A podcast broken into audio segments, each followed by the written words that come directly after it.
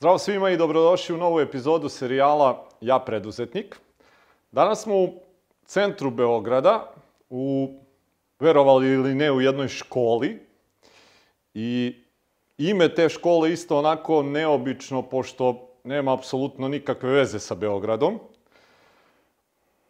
Osnivač te škole isto onako sve sem običan, pa da ne bih ja ovaj, te neke neobičnosti razjašnjavao, ja ću da vam predstavim gospodina Srđana Janićijevića, a on će vam reći kako se ta škola zove i odakle to ime i kakve veze to sad ima sa Beogradom ovde gde smo.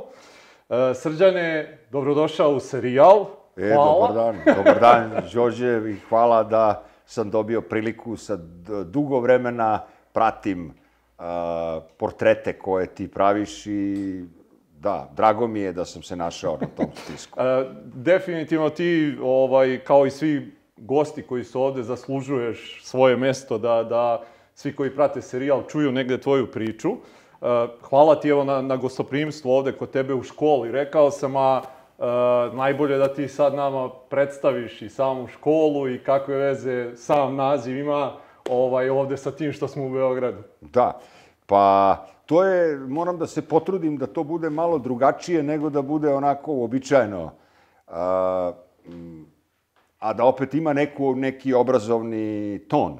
Pa sad ima ta teorija, znaš, pred... zašto se ljudi odlučuju da postanu preduzetnici. Mm -hmm. Sad ima najrazličitijih motiva. Kažemo da su motivi najvažniji e, pokretači. Pa u mom slučaju, e, kad gledam danas, 12 godina kasnije, to je neka vrsta u suštini kaprica, da ne kažem inata, uh -huh. e, srpskog. Uh -huh. I zato se zove Mokrogorska, zato što je na Mokroj gori uh -huh. i što se malo teže izgovara. E, daleko, znači bilo je do skora 4 sata udaljeno od Beograda, sad je manje i bit će sve manje kako se gradi autoput. I to je poslovna škola za obrazovanje odraslih i rukovodilaca i onih koji su vlasnici E, biznisa i to radimo već 12 godina. E, ljudi kažu dosta kvalitetno. Mm -hmm.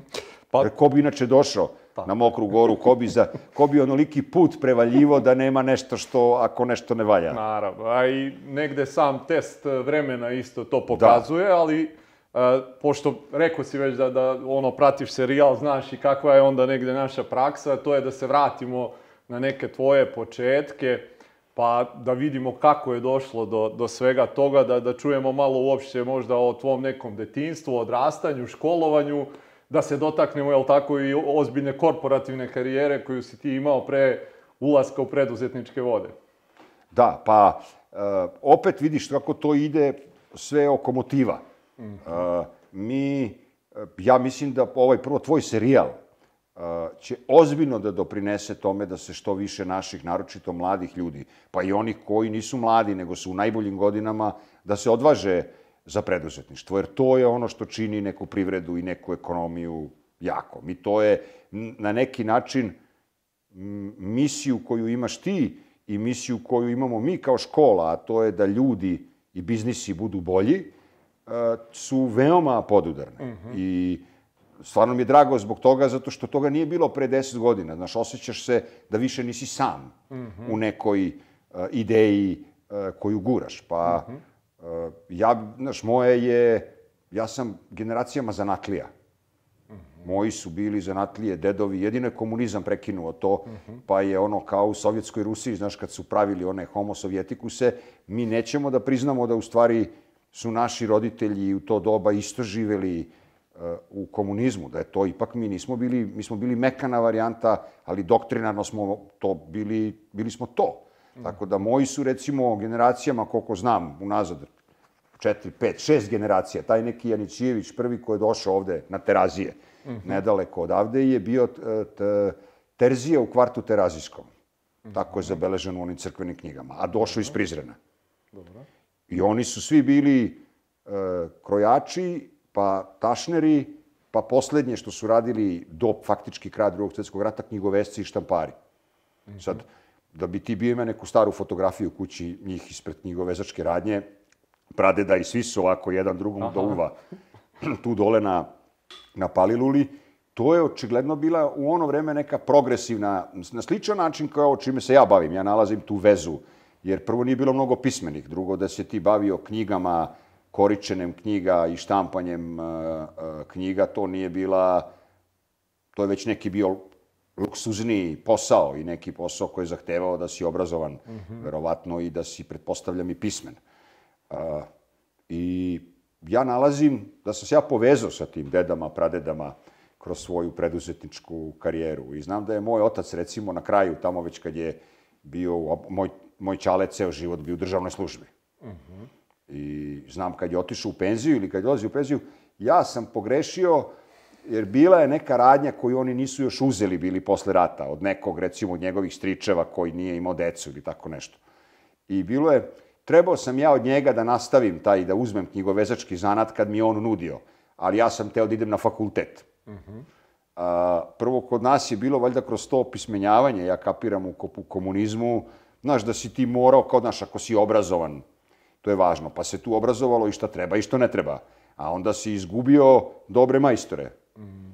I ti danas, ako hoćeš, evo, neko mi je, danas sam slušao da u Čačku ima fabrika koja šije nemačke nacionalne nošnje.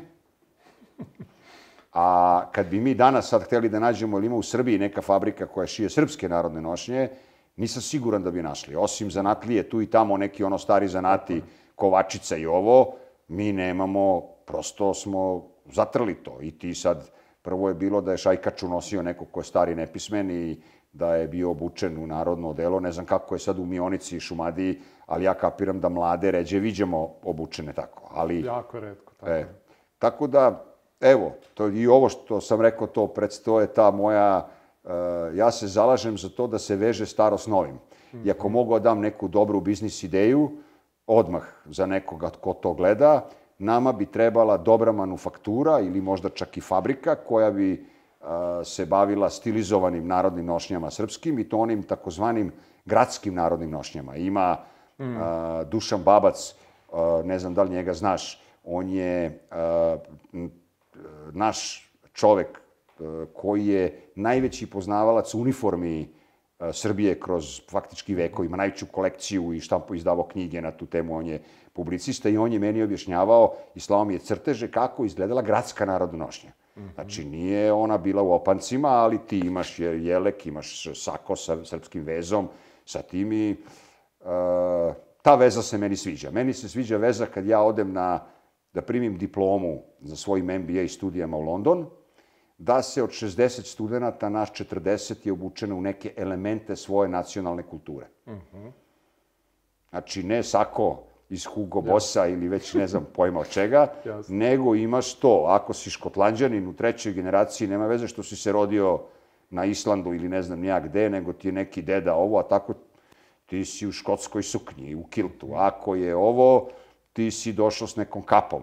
E, taj identitet se meni jako sviđa. Mm -hmm. I mhm. čini mi se da on treba što više da se vidi kroz biznis. Mm -hmm. Šta mi drugo radimo nego u stvari kroz mhm. preduzetništvo se igramo sa podcrtavamo svoj identitet. Mm -hmm. Što je ujedno i odgovor zašto je Mokrogorska škola Mokrogorska.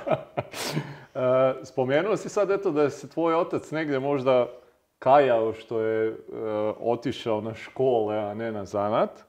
I pored toga ti isto krećeš tim nekim putem, jel tako? Upisuješ i prava, Sve ja sam, pa vidi, moja generacija, ja ne znam sad koje si ti godište. 77. E, pa dobro, mlađi si od mene, ti si manja doza ovog homo sovjetikusa. Mi smo mm -hmm. sve u školi učili do kraja fakulteta, do recimo 90. smo mi sve to učili da je to, socijalističko samoupravljanje. Kako se zvao direktor u, u ono bivše vreme? Se sećaš? Ne znam. Direktor se u socijalizmu zvao inokosni poslovodni organ. Ka, kako se zvalo preduzeće? Ne znam. Organizacija udruženog rada. E, toga se sećam u stvari, izvini. Vidi, da, toga se to sećam. smo učili u školi. U da. tim firmama su nam radili roditelji. A, a mi smo to na fakultetu učili. Mm. Pola tih predmeta koji su bili, ja sam tamo na pravnom ovaj, završio privredno-pravni smer, to je bilo to. Nikakav zakon o preduzećima nije bilo, nego je bilo to udruženi rad. Zbor radnih ljudi. Mhm. Mm Razumeš, mi se čudimo što nema dovoljnog broja, nema preduzetnika. Pričamo o tome generacije, smene, kad će ko da dođe na red, šta je, pa čekaj, to je kod nas bila šaka jada, 89. 90. 91. druge Indija, ono Ruma, plastičari, to je bilo. Ko je bio samostalac pre toga, taj je bio, što bi rekli englezi, outcast. Jeste. Taj je bio, ko je bio samostalni neki, da nije radio u firmi i za državu, pa taj, znači, nije mogao nigde da nađe posao. Realno. I onda iz te kulture mi povlačimo 92. treću, naravno do 2000. je se rodila neka potpuno druga klasa, jel da, koja nije preduzetnička, ali recimo bi se zvali tranzicioni privrednici. Mm -hmm. uh, ali to nije stvaranje nove vrednosti, to je u suštini, uh, kako bi to mogli da zovemo, alokacija ničije vrednosti. Mm -hmm. po diskontovanoj ceni ili preferencijalnim uslovima koje nismo mogli ti ja da dobijemo, mm -hmm. nego to. I ti imaš zapravo da te, tek od 2000, tek 20 zadnjih godina se kod nas rađa ono o čemu je Šumpeter pisao pre 100 godina. Mm -hmm. Znaš, to je, treba vreme. Tako je. Često to spominjem baš. Mislim da su te negde posledice tih 50 godina nesagledive od samog mentaliteta, to koji si spominjao i svega nečega drugog. I e, o tome stvarno može da se priča jako dugo i naširoko, ali hteo bih opet da te vratim negde na tvoj životni put e, po završetku pravnog fakulteta. Šta se dešava dalje? Pa ja sam počeo kao student da radim, to je bilo u vreme, ja sam završio faks, velda, 89. na primjer. Mm -hmm. I to je bilo vreme, kako ti kažem, ludilo mozga za našu generaciju, to je bilo Vante Marković, Jugoslavija, sve slobodno, putovanja slobodna, možda ideš gde hoćeš, on je nešto to marka, dinar plate se odjedan put pretvorile da su to, prosek, nemam pojma koliko, hiljadu maraka, dve hiljade, ne znam, tako nešto. Ja sam ko student počeo da radim za američku kompaniju Philip Morris, treća godina studija. I to su bili klasični studentski poslovi. Mm -hmm. Meni jasno bilo da to nije iz te, tog iskustva tadašnjeg, da je to prvo iz perspektive porodične iz koje smo mi svi potičemo i tog miljeja, prvo da radiš za cigarete, drugo da ideš da obilaziš kioske, to nije neki posao bio na koji bi bili neki tvoji roditelji ponosni. Mm -hmm. uh, sto puta sam ponavljao da je meni moja baba, moja koja je vojvođanka bila, koja pije kafu s drugaricom i onda objašnjava, pa pita, pa kako ti je ovaj, unuk? Pa kaže, kako je? Kaže, prvo jedno ga učio, završio za doktora, to je advokat. A to je već katastrofa, jer pošteni ljudi se ne bave advokaturo, pošten je neko sudija, pošten je oficir, pošten, znaš, to su zanimanja iz njene, Tako njenog rakursa. Da. A šta sad radi? Ka sad ide obilazi kioske. Tako da, u, užas. Uh, ja sam tu u stvari počeo, ja sam tu ušao u tranziciju. Znači, za mene je da ta tranzicija društvena, kulturološka počela tad. Mm -hmm.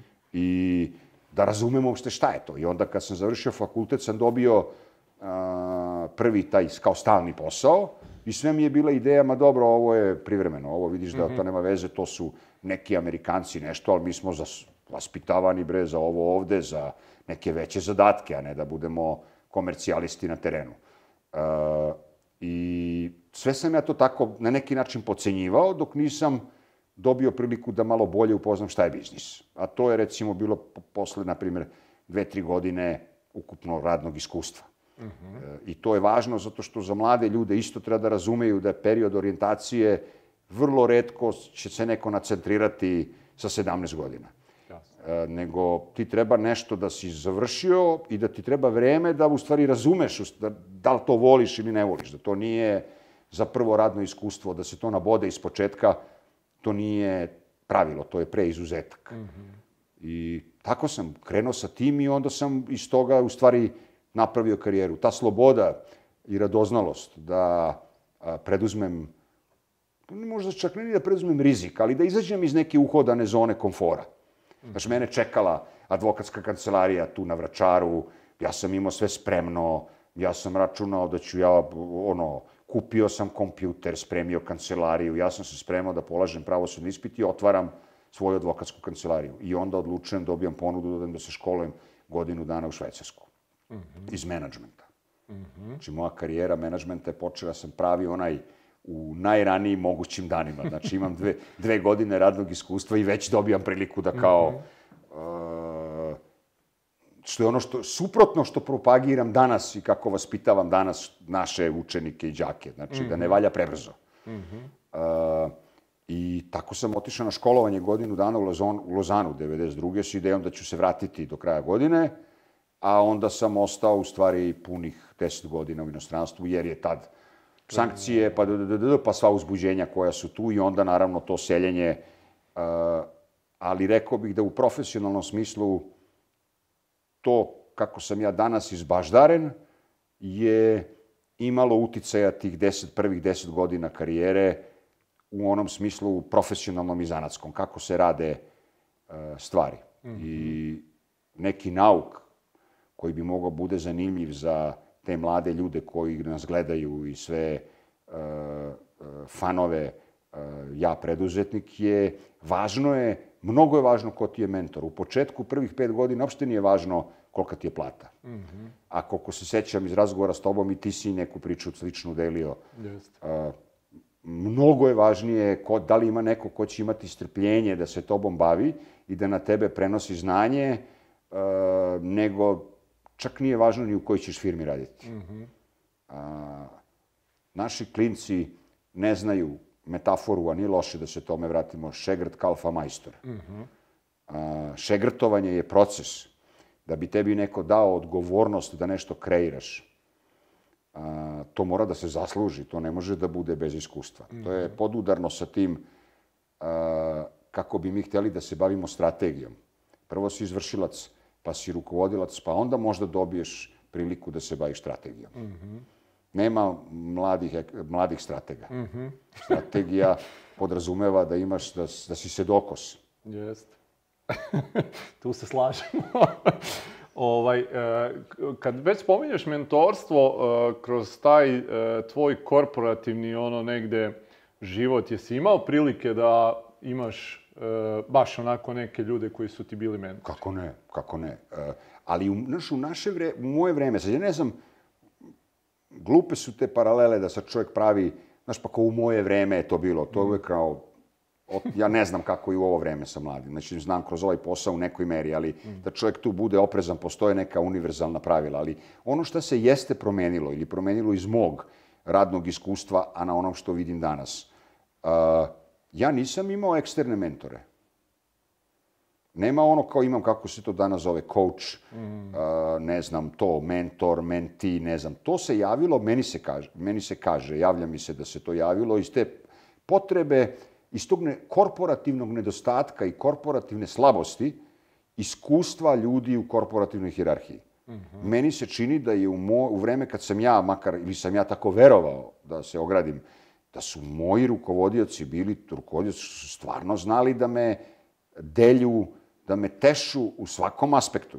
Mm -hmm. I ljudskom, i, i interpersonalnom, i profesionalnom, i, na, i analitičkom, da bi ti u stvari se uvezao, da bi te napravili da budeš dobar kalfa, mm -hmm. a onda posle budeš dobar majstor. A mm -hmm. ovde, kad kažem, ne mislim na, na Srbiju, nego danas, u današnje vreme, ti imaš, recimo, 30-godišnjaka koji je direktor, koji treba da uči nekoga koji ima 24 godine, koji opet ima nekoga ko počinje da radi sa 21 2 e, ne znam, možda to može s tehnologijom, sad ovom, da sve postoji ipak više automatizovano, algoritmizovano i tako dalje, ali ja sam svoja mentorstva uh, uh, jako zapamtio i imao sam i dobrih primjera, kad kažem mentora, rukovodilaca, ljudi s kojima sam ja radio koji su bili zaduženi za mene, da tako kažem. A imao sam i onih koji nisu bili tako dobri, a opet sam iz toga nešto naučio. Mm -hmm. Znači, kao i svako, to je ono kad kažeš idem, menjam firmu zato što imam lošeg šefa. Mm -hmm. Ne menja se uh, firma kad imaš nekog šefa koji je loš. Ne menja se posao zbog toga što imaš lošeg rukovodioca. Rukovodioci se menjaju, a karijera se gradi. E, šta dovodi do toga da ti onda u jednom trenutku se iz inostranstva vraćaš ovde? Pa, mešavina, ovo, ovo, sa, ovo sa Jelekom i sa uh, suštinski to. Znači, e, ja sam video promenu koja se kod nas e, dešava u stvari u pravom smislu društvenu promenu, ne mislim u političkom, mislim u jednoj ozbiljnoj tranziciji posle teških vremena kao nešto što ja ne bi mogao da izdržim uh, da gledam sa strane. Mm -hmm. Suviše sam ja i kulturno i porodično i na svaki način vezan za ovu sredinu. Nisam otišao iz Beograda zato što uh, mi je bila muka od Beograda.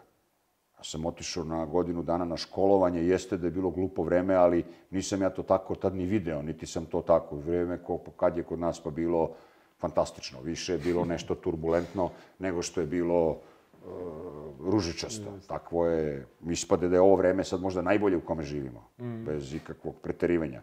A, i, I ništa, ja sam, ja sam, mene u stvari vuk, vukao me taj instinkt povratka i vukao me da moram da budem tu, a onda se tako potrefilo da sam ja mogao da se vratim opet, kako kažem, na velika vrata, da imam neki soft landing, mm -hmm. kao direktor Coca-Cola. I to je, ako iko mogu preporučim ko razmišlja da bude povratnik, a voleo bi da ima što više, ima razloga da bude što više povratnika, naročito u ljudi koji su u zrelim godinama. Možda ne dece, klinci treba da idu nek uče, stiču iskustvo, nek cepaju naokolo koliko mogu, ali ovo, naročito mi, ja sam, meni porasla mi deca, ja sam u tom smislu, a imaš još pred sobom sigurno 10-15 godina da možeš nešto da daš. A, po meni to je mnogo veća nagrada nego bilo kakva neki korporativni beč koji možda dobiješ da si sad ne znam šta. Mm -hmm. Postao si potpredsednik, predsednik. Ne, mislim, ne znam. To se u krajnjoj liniji stvarno se sve zaboravi. Mm -hmm. Drugo, te sve silne bazene koje bi čovjek mogao da ima po kućama, po inostranstvu, uh, to treba grejati. Treba održavati sve to košta. I vrlo brzo, ne možeš se kupaš u svima istovremeno, nego ako ti je bazen u, jedan u, u Švajcarskoj, a drugi u Dubaju, a treći ne znam gde, to isto treba nekako, kako budeš na tri mhm. mesta u isto vreme. Tako da, ne, odavde, ja sam, što bi to, non-smoking orkestra rekla u nekom stihu, ja sam odavle. iz pozicije sad vraćaš se ovde u, u Srbiju i imao si, eto, kako kažeš, taj soft landing i jedan, onako sa strane gledajući, jako lepi posao i da. sigurno i pristojno plaćen i sve. Kad dolazi do nekog trenutka da taj preduzetnički crv ili tako, kako god da ga nazovemo, počinje kod tebe da radi? Pa samo smo ga pustili da izađe iz, da izađe iz one čaure, mm -hmm. iz mhm. crvovske čaure. Ja sam, a, ne, ja sam od uvek imao preduzetnički a, duh. I svi poslovi, u stvari, koje sam ja i radio i u Philip Morrisu i u Coca-Coli, oni su svi bili razvojni projekti. Ja nisam imao ni jedan onaj posao ili projekat, a, a otprilike sam ih svake godine ili svake godine, između dve i godinu i po dana sam ja dobio nove, one kako ih zovu englezi assignmenta. Ja sam mm -hmm. ozbiljno izraubovan u iskustvenom smislu za tih prvih 15 godina karijere. Znaš, meni je, uh, nema, to je stvarno daleka prošlost, to je bilo pre, pre koliko godina, ali nema zemlje u centralnoj istočnoj Evropi u kojoj ja nisam radio makar jedan projekat. Mm -hmm. Neki. I moj ceo, ja sam bio uvek taj neki business development. Mm -hmm. Nema, dođi, napravi, postavi. Treba da iz A pretvoriš u B. Treba da se, ne znam, kupi neka fabrika. Treba da se nešto spoji. Treba te projekt. I ja sam, me, to su, šta je to drugo nego zana, to je, to je preduzetništvo, mm -hmm. samo što se to zva, zove uh, u onom smislu, sad kako mi zovem, korporativno preduzetništvo. Mm -hmm. uh, I lako mi je bilo. Drugo, ja sam stalno imao ideje, imam sam neku knjižicu koja je prvo bila sveska, a onda je to prerastao u neki Excel, uh, sa tim idejama. Šta bi meni se čini da bi moglo? Mm -hmm. I ja sam to gajio intenzivno od, od, kad sam se vratio u Beograd. Znači, onda mi je bilo gde god odem negde vidim, a upa, ovo bi moglo. Mm -hmm. A upa, vidi, a što nema ovo. Mm -hmm. I onda sam to pisao i u jednom trenutku su se poklopile kockice da je za to sazrelo vreme. Mm -hmm. a, a to je recimo bila neka raskrsnica gde treba da doneseš odluku da li bi ponovo išao u inostranstvo. A, firma rekla a, biraj da li hoćeš da ideš u Grčku ili ne znam šta je bila, recimo Ukrajina. Bile su neke dve opcije sve sam to već video na neki način. Sad, da li ću da živim u Moskvi ili ću da živim u Atini ili nešto, ne znam, već sam, nekako mi je to, nije mi bilo dovoljno uzbudljivo. A, a ja sam ložač na posao. Na, volim da vidim stvaranje neke vrednosti. Ako ne vidim da mogu da doprinesem, a, ne vidim šta ću ja tu. I tako je, u stvari, tako i pala odluka. I onda sam uzao tu svoju svesku i krenuo po redu. A, dug je spisak. Mnogo je ideja realizovano umeđu vremenu tih koje su ono vreme meni pale na pamet. Neke sam realizovao ja, neke su neki drugi ljudi, ali drago mi je da u stvari se vide neke prilike i da se te prilike uh, iskorišćavaju. To je slatko, to je super. Kako je bila uh, reakcija, recimo, nekog tvog bliskog kruga ljudi kad si rekao da napuštaš siguran i dobro plaćen posao i krećeš u nešto neizvesno? Pa, a, s tobom nešto nije u redu. Znači, da napustiš u Beogradu 2003. Uh, poziciju generalnog direktora Coca-Cola. Mm -hmm. uh, mislim, kako ti kažem, iz naše perspektive nekoga ko je, pa ko bi to. Ko bi to uradio. Uopšte, vidi, nije manje uh, u, u nominalnom smislu, da kažem, i, i možda i reputacionom smislu, možda je teža odluka bila da napustiš Philip Morris za Coca-Cola iz pozicije u kojoj sam bio. Jer je, ja sam tamo bio jedan od, ne znam, u ono vreme 800 ekspata u svetu. To je kao beli medved. Mm -hmm.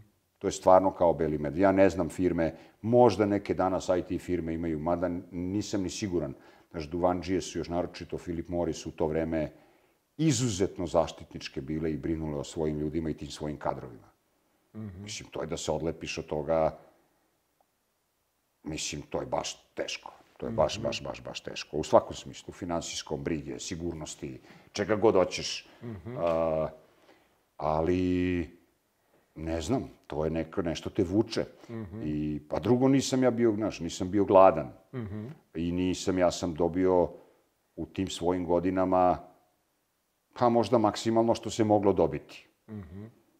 Znaš, u 35-6 godina, kad sam ja se odvažio sedam da idem u preduzetništvo, mislim, stvarno nije baš bilo mnogo stvari koje nisam probao ili za koje bi mogo kažem, pa sad ovo ne znam da li sam to ja.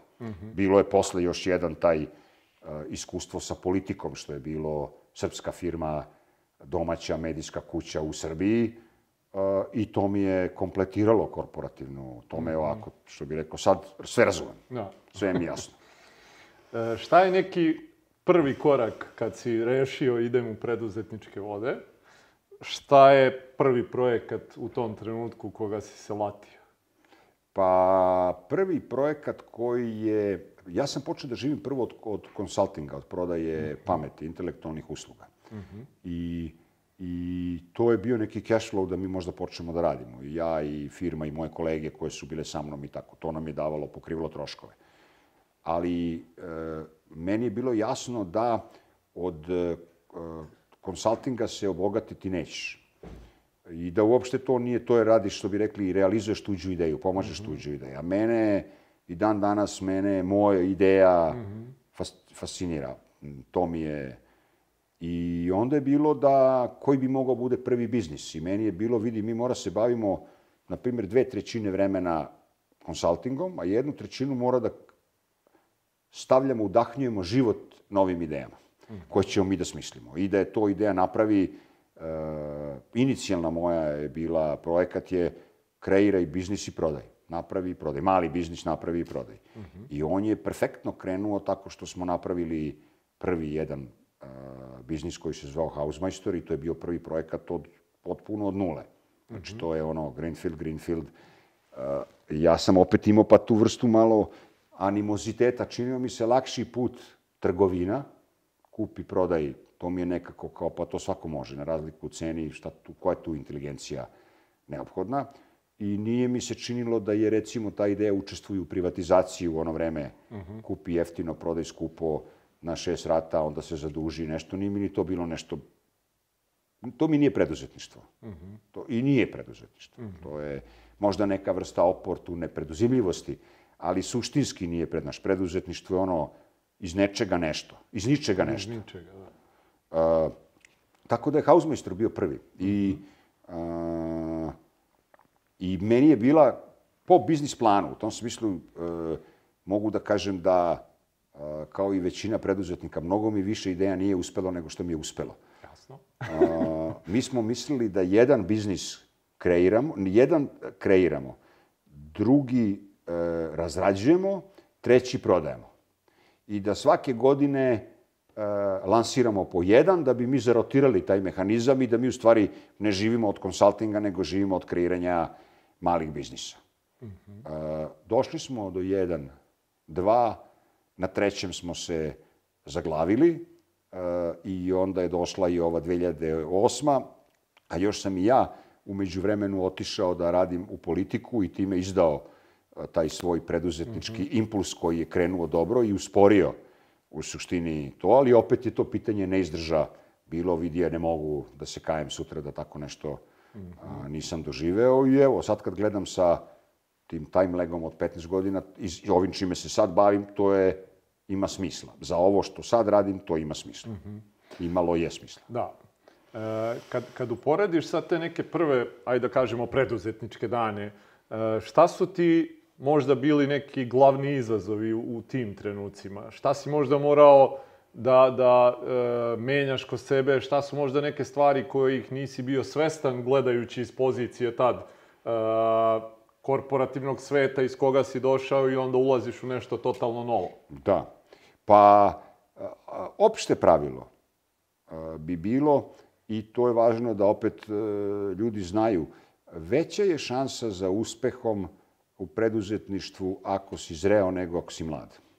Mm -hmm. Mnogo više ginu mladi, a to je opet pitanje iskustva i tako. Znači, a ja sam bio u dobrim tim. To je na, što bi rekli, s ovog strane, jedne strane kantara, na, na plusu. Mm -hmm. Na minusu, uh, ja sam visoko leteo. Mm -hmm. I uh, imao vrlo sofisticirane instrumente za rad. A, a meni je najteža stvar bila da se prilagodim a, mogućnostima i okruženju i okolnostima u kojima radim a, izvan multinacionalnih kompanija. Mm -hmm. I to je, sam ono, puno puta govorio kolegama koji iz tog sveta misle da idu u preduzetništvo, računajte a, dve godine minimum, je reciklaža. -hmm. Ako si uporan i ako si... Da, da. Uh, najveći broj korporativaca se vrati nazad vrlo brzo. Probaju, imaju oni ideje i zarade, uštede neku lovu i krenu da kao sad ćemo mi nešto da radimo privatno, pobegnu brže bolje. Jer je sasvim je drugačiji osjećaj kad tebi klikće 27. u mesecu kad ti legnu neke parusine na račun i, i toga kad ti treba da vidiš kad će ti plate fakturu uh, koju si izdao, a ispod te fakture imaš troškove koje imaš, nije nešto znači to da to tebi ide u džep, nego imaš troškove, imaš ovo, imaš ono, znaš šta nisi uh, računo. Mnogo je za to upornosti potrebno i rekao bih da mi je to bilo najkomplikovanije. Znači da imaš ne radiš sa ljudima koje, sa kojima si znao u zanatskom smislu da radiš ranije, što znači sve je sporije, sve je možda manje profesionalno, sve traži veći napor, sve je možda vrljavije mm. nego što bi bilo i tako dalje. Ali onda s druge strane moraš da nađeš iz toga neku e, nadogradnju, a ja sam je našao da mnogo ljudi su oko mene naučili bolj, da budu bolji poslovni ljudi. Mm -hmm. Mnogi moji saradnici. Ja sam ogromnu Eh, energiju u to ulagao eh, i drago mi je da vidim da ima stvarno desetine njih koji su napravili odlične karijere i postali bolje bez obzira da smo mi radili za jednu godinu dana ili, ili pet godina. I to je, eh, to je dobar osjećaj. To je možda najvredniji osjećaj od svega. Ali, ali da postaviš stvar na noge, to je muka živa. Da, da. E, kad ti se prvi put javlja ideja o Mokrogradskoj školi menadžmenta? Ona se u inicijalnoj tom projektu, tom spisku, mm -hmm. vodila pod nekim drugim kodnim imenom. Mm -hmm. A, I ona je imala šifrovano ime Rasadnik. Ima jednom kad dođeš na Mokru goru, pokazat ću ti, to je jako zanimljivo. Znači, taj neki, kao neki mali projektni plan a, koji, šta bi tu sve moglo i šta su kompetencije koje ja imam i koje bi u stvari moglo, pa iz toga šta bi mogli. I Rasadnik je neka vrsta bio takozvano poslovno obrazovanje. -huh. a, I kad sam ja završio s politikom, to je 2008. valjda kraj 2009 je meni bilo, čekaj, šta sad da radim? Znači, iskustvo politike je svakom ko bi želo da masterira, ne tih prilika nema sad toliko, baš ni mnogo više, ali ono je bilo, M je medijska kuća, M je još uvek bila u ono vreme visoko vibrantna u smislu kotiranosti, interesovanja i ovo, ne znam, što bi rekli, ne pratim, pa ne znam da li je danas, ali je bilo predmet interesovanja mnogih u svakom smislu i šta pišu i uopšte te vlasničke strukture i tako dalje. I tu mhm. si dobiješ pregled srpskog društva verovatno bolji nego što dobije predsednik vlade zato što nisi zaštićen. -hmm. Naš predsednik vlade ima ovaj kabinet, imaš ministri, imaš nešto tamo što je ovde. Ovde ne, ovde si direktno držiš ruku na, na ono, palac na pulsu i sve ti je, sve razumeš. Mm -hmm. Kako izgleda Srbija, kako izgledaju političari, kako izgledaju tajkuni, kako izgledaju krimosi, sve razumeš. Kako izgledaju zaposleni. Mm -hmm. A, m, to nije nešto, to je dosta otrežnjavajuće. I, I bila je, kad je to meni sve prošlo, bilo je, hm, ne znam šta bi mogao da radim u Srbiji. Konsulting mi se nije radio. Nisam se osjećao inspirativno da recimo radim za nekog od tih naših takozvanih velikih domaćih privrednika ili ondašnjih tajkuna i tako dalje. E, nije mi se išlo inostranstvo, ponovo. Mm -hmm. To sam isto već preživeo. I onda je bilo šta znam da radim, a da se mnogo ne raubujem. Mm -hmm. I, I onda se škola pojavila kao ideja. Mi nemamo poslovnu školu, formalno obrazovanje koje mi nudimo nije dovoljno dobro, naročito ne za rukovodioce, ni ni danas, mm -hmm. a onda je bilo još gore. E, I tako je krenulo. Onda, I onda sam, i pošto su mi poznate bile poslovne škole iz prethodnog života i obrazovanja, i bio sam na tim vrhunskim školama kao korporativac, da to onda je bilo, čekaj, čekaj, to ćemo da napravimo. Mm. I opet vezano sa lo, lokalitetom, na škola je, poslovna škola je ideologija. E, mi mislimo da je, e, nismo mi nikakvi trening provajderi, niti se bavimo, niti se bavimo prodajom e, diploma da nekog naučiš da radi u Excelu ili da nemam pojma šta sad, kako se planira ili rukovodi ili vodi. Mm -hmm. Znači sve dobre poslovne škole, najbolje poslovne škole, vrhunske su ideološke organizacije sredstva i alati koje ti učiš su tu, ali ne znam, Stockholm School of Economics koja je tu komši, kom, komšinica holandska, je jedna od najprestižnijih škola u Severnoj Evropi. Oni kažu naša misija je švedska privreda i razvoj švedske privrede i švedskih privrednika. Nema nikakve to evroatlantske integracije, svi ljudi su braća i sestre, ma ne bre, naša tu, kraljevina švedska. To. Uh, INSEAD je globalizacija. Svet, ona škola sa koja je ideologija je globalizacija. Najbolja, vrhunska škola za multinacionalne kompanije. Slično je i Medeu u Švajcarskoj, samo sa tim malim nekim tačom koji se odnosi na to da su tu, recimo, ne znam, Tetra Pak, Nestle, e, malo su te korporacije, su oni neki osnivači, ali ali sve je ideologija. Berkeley u Kaliforniji je liberalna levičarska škola, ono, u suštini neka socijaldemokratija. Pa se onda sad to vidi e, i kroz biznis, tako da zanimljiva je debata koju smo imali pre neki meseca a, jednim od naših a, e, dragih studenta, a ujedno i tvojim gostom, koji je na a, e, predavanju iz neke iz ekonomije je Klasičan postulat je zašto postoji privredno društvo, što se mi udružujemo da bi ostvarili dobit za svoje osnivače. I to je ona liberalna, liberalno-kapitalistička postavka. Opet ideološka, je li tako? što smo se mi udružili. Da. A ova održiva nova, kako mi to zovemo nova paradigma, je ne, društvena dobrobit je, je svrha. Šta je društvena dobrobit? To je ti školeš decu, ja školujem decu, naši zaposleni rastu, nama je lepo, uživamo, volimo posao koji radimo, plaćamo porez, od toga se izdržava obrazovanje, zdravstvo, policiji i tako dalje. To je što je najbliže ondašnjem a, organizacijama udruženog rada i tim. Najbliže socijalizmu što može. Znači, tamo mi smo napustili socijalizam i krenuli to da napuštamo recimo u raspadu 90-ih do 2000-te se to, da kažem, je to kod nas e, e, potpuno bilo degradirano, a na primer od 2000-ih, od 98. pa nadalje, to postaje taj sustainability i social responsibility, kako ovi zovu taj triple bottom line, postaje paradigma anglosaksonaca kasnih 90-ih. Znači, bukvalno je klatno kako je kod nas udarilo ide odavde, kod njih je krenulo da ide u drugom, u drugom pravcu. I mi danas, uh, danas pričamo o tome. I škola jeste naša škola i misija naše škole nije uh, da naši đaci i vlasnici biznisa budu najbogatiji i da iznose pare u, nemam pojma, Kipar, inostranstvo ili nešto. Ne, naša svrha je kolektivna dobrobit. Moraš mm -hmm. da budeš dobar zaposleni, moraš da budeš dobar poslodavac ako si rukovodilac, ti imaš odgovornost, to kod nas ne razumeju, ti kad kažeš ovo, pošto je sve pežorativno, svi su stručnjaci za, kako beše, marketing, sport, politiku i menadžment. Uh, ti ako upravljaš nekim ljudima, ti si osoba sa većom, višim stepenom odgovornosti.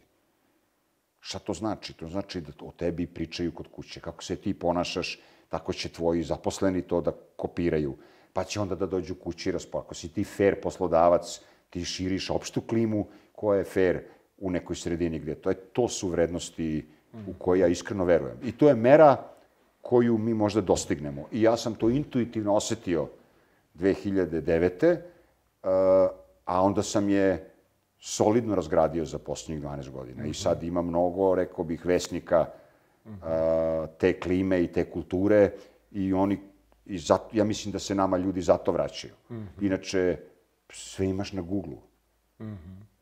Mislim, naš, nikad ovaj posao u tom smislu tehničkom, nikad nije bio lakši.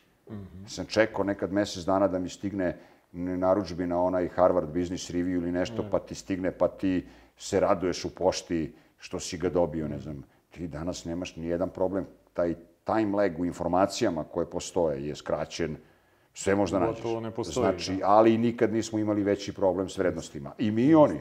Da, da, znači, svi. to je globalni neki problem. Gde ja pripadam, šta ja radim, zašto ja nešto radim. Ne, nego to je sve tako. Danas mi trebaš, ja tebi ne verujem kao poslodavac, ti meni ne veruješ kao zaposleni, niko niko ne veruje, ali zajedno definišemo vrednosti u hodnicima. Mm -hmm. I onda se čudimo što nam firma ne radi. Tako je. E, kako izgledaju uopšte ti, recimo, neki počeci, ok, e, ideja postoji e, i cela ideologija negde, kako to sad izgleda u praksi? Ok, imam to sve negde ovde, šta onda? A, pa to je mnogo zanimljivo. Šta, misliš, pitaš mene ili pitaš uopšte kao koncept? Ne, ne, kako ti je izgledalo u tom trenutku imaš sve to, šta je sledeći korak? Gde su ljudi, gde je prostor, gde je uopšte kako ćemo uh, da dođemo do nekih da, vidi, firmi, to je klijenata. najbolji bio. Ja sam bio Vidi, to je najbolji dokaz, u stvari to je bio najveći možda test mog preduzetničkog kapaciteta. Uh -huh. Iz, iz raznih razloga, i privatnih i profesionalnih. Znači, to nije bilo prvo, kad sam ja do, krenuo to u prvoj iteraciji, u fazi 1, posle Coca-Cola, tu je bilo ogroman ego, uh, mnogo džebane da to podrži, uh uh, uh, mnogo telefona koji su se odazivali, da te da razumeš, nije sve jedno. Mada opet imate, ja sam jedan put, dva put u karijeri proživeo to da, da ono, kad zvone telefoni besomučno preko dana, ne može da ono, ne može da odgovori i do onda da sutra da ne zvoni ni jedan. Aha. Znaš, to je, e, mora to čovjek da doživi, da bi bio zdrav. Da bi bio zdrav u glavi i u duši. A, drugi taj pokušaj je bio, odnosno škola, škola je bila mnogo komplikovanija. Prvo, resursi su ograničeni, drugo, već je bila kriza -hmm. uh, krenula. A, treće, nije ovo posao koji je neki visoko profitabilan posao. Znaš, obrazovanje, drugo obrazovanje. Treće, obrazovanje se gradi školu da praviš. Nisam ja hteo da držim sam, da idem da držim seminare. Jasno. Jer da sam teo da držim seminare, meni bi verovatno bi imalo lakše i mnogo više u tom smislu posla i ne znam, radio bi sam. Moja ambicija je bila da odmah počnem da pravim sistem. Mm -hmm. uh, nije bilo jednostavno. Mahanje rukama, ti objasni sad ljudima kako si rekao, Mokroluška, Ravnogorska, uh, to. Najbolja, mislim, nekoliko godina kad se ja to napravio, to je zgodan mali primer, mm -hmm. uh, nekoga ko je duhovit, a razumeo je taj trik. Ja vozim neka, Renault nam je bio dao neki auto. Mm -hmm. On je neki minivan za nešto. I mi smo njega izbrendirali i vozili se. Pogledaj gdje mi ja da sipam benzin. I na pumpi dole kod mene na Dorčelu neki ovaj, klinac pumpađija mlad. A, sipa ovo i gleda logotip a, na kome piše Mokrogorska škola menadžmenta. A on kaže, ravnogorci, četnici. Ja kažem, ne, Mokrogorska škola, zar ne vidi šta piše? A on me gleda i kaže, a, važi. znači, ima, uhvatio je neki tradicionalni element sa kojim smo se mi malo igrali. To je Jasne. da ti napraviš, pa mislim i nije slučajno, ni kusta sa, sa mokrom gorom gore. Ima tu svakakve neke simbolike, ali uh, proslaviše se ta, ta simbolika, nas je na jedan fin, novi način proslavila. Ne, drž se ti onoga, uhvati se za nešto što je tvoja, tvoja tradicija i, i mm -hmm. koren. I niko to nije u početku razumeo, isto. Mm -hmm. Mislim, to je isto slična stvar kao što bi otišao iz Coca-Cola. Da, da. Pa mislim i što bi otišao iz politike u kraju kraja. Nije ni da. to neka baš uh, nešto odatle i tu možda sediš, nije to svugde u stvari moje, moje iskustvo je zapravo da ti svugde u tim korporacijama možda sediš realno koliko hoćeš. Znači, mi imamo mnogo korporativaca s kojima radimo, ali i, i može, može čovjek da bude, uh, nije, da ne pocenjujem, ali nije teško biti mnogo korporativac. Ako naučiš da igraš tu političku igru i komunikacijonu, to je -hmm. To je dugo, može dugo da se ta utakmica igra. Nije to nešto sada da su tu kriterijumi neki baš to. Ja ne znam u ovim multinacionalkama, majke mi, ne znam nikoga ko je dobio otkaz za svojih 15 godina karijere zato što je loše radio. Provuče se sve, da si dobar, da si šarmer, da si to, da znaš da pričaš viceve, da se bavi, da igraš tenis, sve zavisi koji si tamo grupi, što bi rekli, kulturološkoj pripadaš, ma kakvi živiš fantastično. Tu je samo glavna stvar da uđeš, da se probiješ nekako, što bi rekli kad su mene pitali tamo 90. kad se ja ratim, pa kako si se ti uvalio, mene pitaju moji drugari. Pa ja pitam, dobro, ali bi ti bio u stanju da ideš 200 dana godišnje na put? 93. četvrte. I to ne, ne u neke zemlje, ne ideš ti u Španiju i u London, nego tebe šalju ko Srbina u Vroclav, u, nemam pojma, Bratislav u ono vreme, u, da, da u, u Sofiju, koje nisu bile baš neki gradovi koji su bili famozni, naročito iz perspektive Beograda ili nekog, ono. Uh -huh. A, da se vratim na te početke škole. -huh. Mahanje rukama, objašnjavanje, a, što Ćirilica, što ovo, i ozbiljan otpor. Znači, meni su odmah, pominjali smo malo pre privrednu komoru, bili u nekom razgovoru. Ja sam video da je INSEAD nastao tako pročito sam to i njihov sam bio fan i dosta su mi oni inicijalne inspiracije dali. Njih sam, što bi rekli, vivi sekciju napravio te škole pre nego što sam kretao. Naravno, koliko je e, Srbija, Francuska i globalno tržište, toliko je MŠM INSEAD. Ali u kor smislu dosta sam ja ideja i standarda rada a, pokupio odatle. Uh -huh. Znači, INSEAD je nastao tako što jedan preduzetnik posle drugog svetskog rata koji je ujedno bio i recimo ratni veteran ili ne znam nija šta, otišao u privnu komoru Pariza i rekao nama treba za kadrove, inicijalno za kadrove koji su bili oficiri posle rata da se preorijentišu na privredu.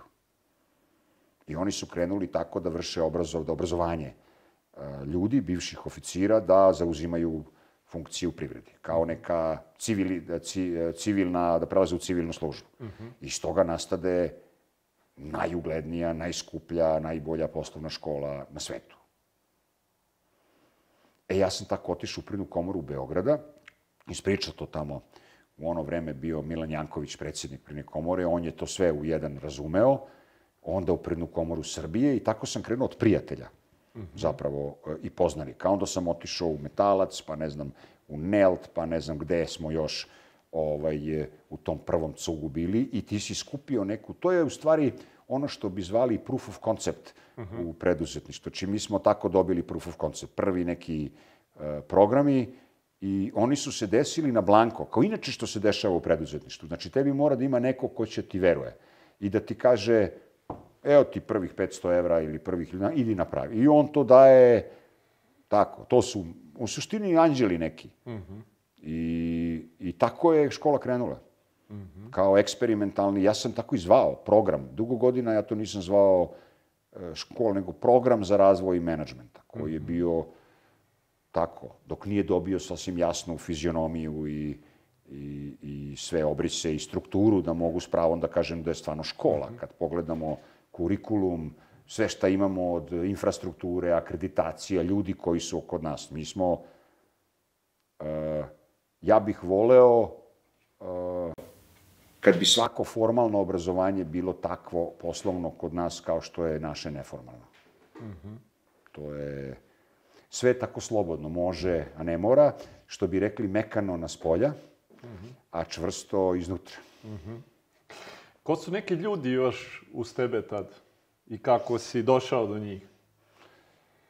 Pa, koja je bila grupa partnera, što bi rekli u liderskom smislu, tom u samom startu. Bilo je nekoliko prvih kolega koje su bili od početka. Znači, moja koleginica Iva, koja je i dan danas sa nama, bio je moj kolega i drugi iz detinjstva Zeka, koji je otišao prošle godine, posle 100 godina zajedničkog sab, sab, sabratstva. Mm -hmm. a, a, a mi smo zajedno bili u politici, a inače se znamo mm -hmm. iz obdaništa. Mm -hmm. I a, Bilo je još nekoliko kolega koji su svi bili, znaš kako, to je svaki preduzetnički poduhvat je kao u onim videima što imaju. Oni su stvarno autentični kad neko uči liderstvo ili to. Ti imaš neku budalu koja se loži, koja je neki entuzijasta i pola njih ga gledaju ovako sa strane da li je on normalan ili nije, a onda treba da imaš nekoliko nekih sledbenika i onda kažu, u stvari oni tebi daju prvi kredibilitet.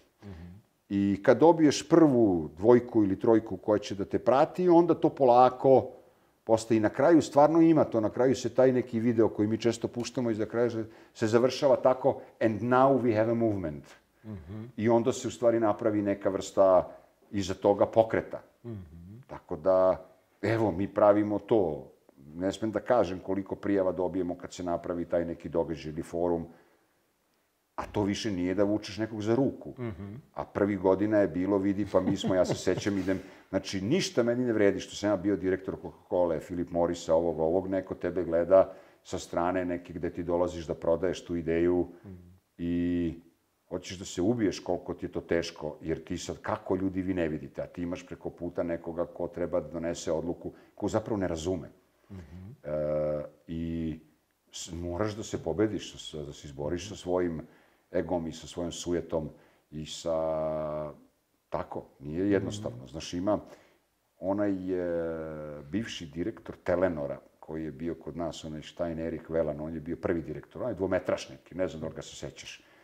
On je bio genijalac, kad je Telenor kupio, pa on je bio neki sportista i ima ono super srce ima. I on je me, upoznao me s nekim tipom i kaže njega moraš iz tri razloga da upoznaš.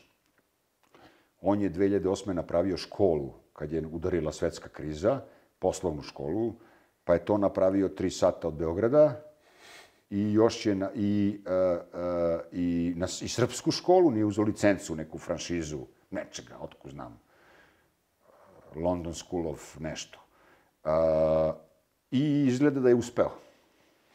I to je bilo, recimo, tri godine. Ja sam preživeo onaj prvi, uh, te start-up godine, I meni bilo, toliko mi bilo drago, nisam ni bio svestan u stvari te tvrdoglavosti koje, koje sam ja imao, to mi tek kasnije postalo jasno. Ali znao sam recimo da mnogo ljudi u početku mojih bivših e, kolega iz tog multinacionalnog sektora su smatrali da je to neka uh, ujdurma uh, velikosrpska, da se Mukrogorska škola, Kusturica, da je to nešto, neka tvrda struja nekoga, nešto.